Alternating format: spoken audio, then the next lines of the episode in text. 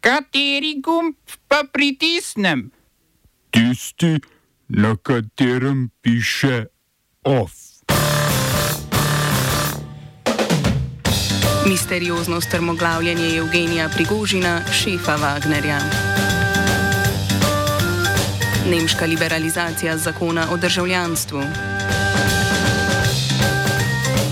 Svet RTV o razrešitvi Urbanije. Vlada potrdila interventni zakon za pomoč po poplavah.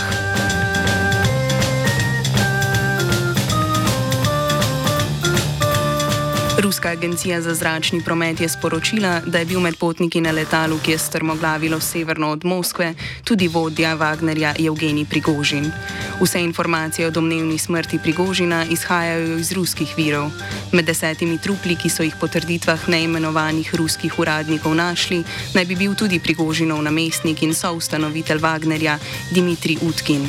Televizija Cargrad TV, ki je v lasti ruskega oligarha Konstantina Malofejeva, sklicujoč se na neimenovane člane Wagnerja, trdi, da so Prigožinovo truplo člani Wagnerja že identificirali. Letalo modela je bilo na poti iz Moskve v Sankt Peterburg, strmoglavilo pa je manj kot pol ure po vzletu. Glede na radarske posnetke ni kazalo nobenih znakov težav vse do zadnjih 30 sekund, ko se je nenadoma spustilo in strmoglavilo. Na Prigožinovo domnevno smrt so se odzvali tudi člani Wagnerja, ki so na svojem telegram kanalu Siva Cona zapisali, da je Prigožin umrl zaradi izdajalcev Rusije in da bo tudi v peklu najboljši. Tako kot je nemogoče ugotoviti, ali je že pri Prigožinovem pohodu proti Moskvi konec junija šlo le za predstavo za javnost, se tudi zdaj lahko le sprašujemo, kaj je za poročanjem ruskih medijev o domnevni smrti Prigožina.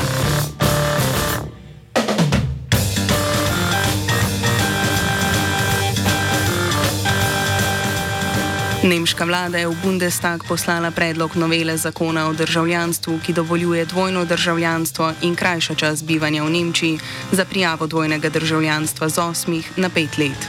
Osebe, ki bodo na preizkusih znanja izkazale poglobljeno znanje nemščine in ustrezno integracijo, bodo lahko za nemško državljanstvo zaprosile po treh letih bivanja v državi. Vlada je v parlamentarno obravnavo poslala tudi predlog zakona o samoidentifikaciji. Reforma transspolnim, interspolnim in nebinarnim osebam v državi omogoča, da spremenijo svoje ime in potrdijo spol v državnih matičnih uradih s preprostim postopkom, ki vključuje predložitev obrazca z izjavo o identiteti. Trenutno veljavni zakon je iz 80-ih let prejšnjega stoletja in od tistih, ki želijo spremeniti svoje ime in potrditi spol, zahteva, da predložijo dve psihološki poročili.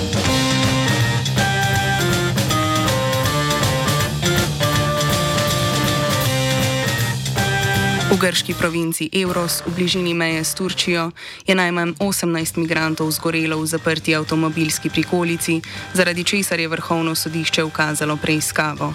Glavna toživka vrhovnega sodišča Georgija Adilini je preiskavo odprla, da bi poiskala morebitne dokaze o organiziranem načrtu za poboj migrantov z netenjem požara. Preden so našli trupla migrantov, je v torek moški objavil video posnetek, na katerem razkazuje, kako je v prikolico zaprl migrante. V njem jih moški okliče za njegov lovski plen in jih krivi za požare, ki zadnje tedne uničujejo grške gozdove. V sredo je policija kot avtorja posnetka identificirala državljana Albanije, v primeru pa sta osumljena še dva grška državljana.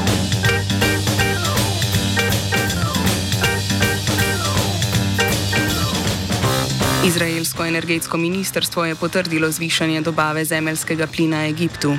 Izvoz v Egipt se bo po načrtih ministrstva v naslednjih 11 letih povečal za 39 milijard kubičnih metrov zemeljskega plina, proizvodnjo na plinskem polju v Tamarju pa bodo od leta 2026 povečali za 60 odstotkov oziroma 6 milijard kubičnih metrov letno. Egipt dodaten plin potrebuje zaradi zmanjšane domače proizvodnje energenta.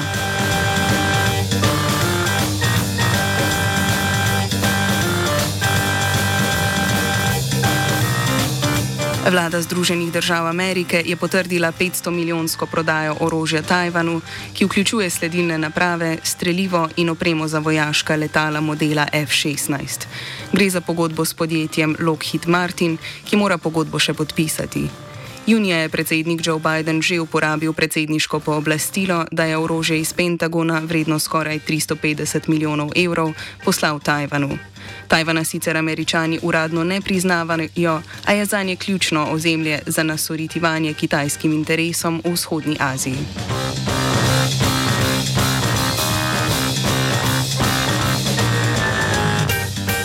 Kitajska je prepovedala uvoz vse morske hrane iz Japonske, potem ko je Japonska začela z izpuščanjem enega milijona ton hladilne vode iz jedrske elektrarne Fukushima v morje.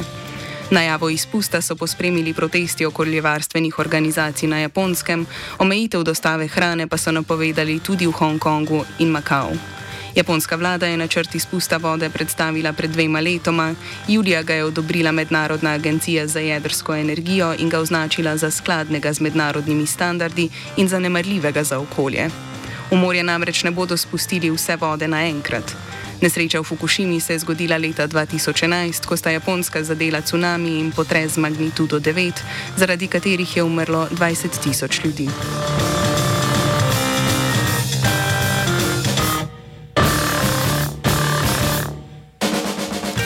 V Zimbabveju so volitve podaljšali v drug dan, saj je na 40 voliščih včeraj zmanjkalo glasovnic oziroma jih niso dostavili pravočasno.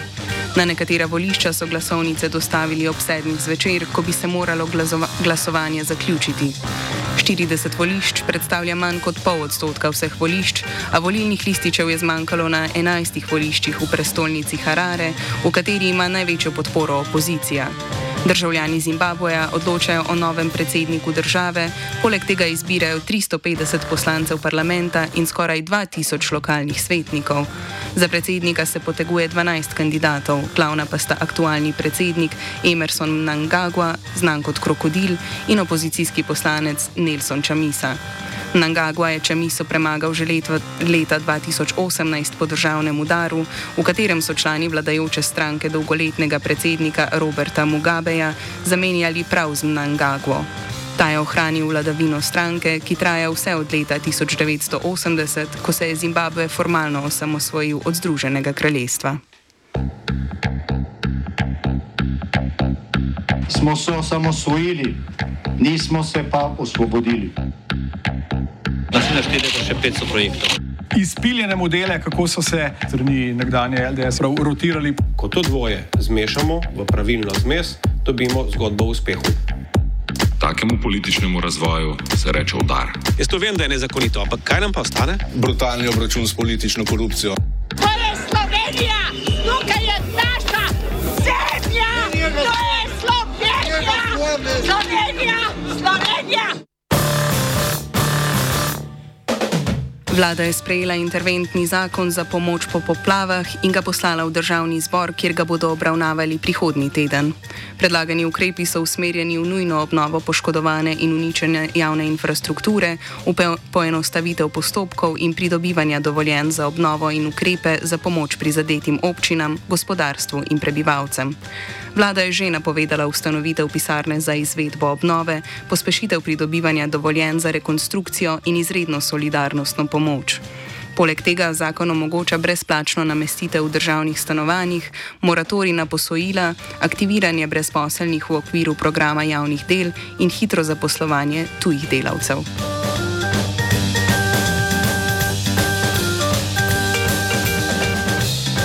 Svet Radio Televizije Slovenija se na izredni seji seznanja z novo upravo. Glasoval pa bo tudi o razrešitvi vršilca dožnosti direktorja televizije Uroša Urbanije.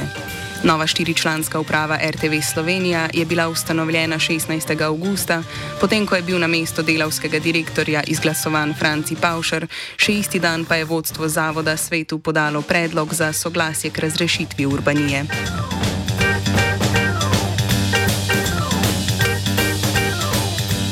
Ambasada Rok poroča, da se je v ponedeljek ob desetih zvečer na Viču v bližini azilnega doma zgodil rasistični napad na prosilce za azil. Skupina moških je prosilce tepla s palicami in jih zmerjala z rasističnimi psovkami, medtem ko so ti poskušali zbežati. V napadu je bilo fizično poškodovanih deset prosilcev za azil. To ni prvi primer rasistično motiviranega fizičnega nasilja v bližini azilnega doma na Viču. V preteklosti je več prosilcem za azil skupina moških sledila v avtomobilu, jih na to pričakala v temi in z njimi fizično obračunala. Izdajali so se za policiste, prosilcem brskali po torbah in jih ustrahovali s pištolo. Ambasada Rok je poročilu priložila tudi fotografije poškodb prosilcev za azil, ki so zaradi napada potrebovali zdravniško oskrbo. Of je pripravila Neva.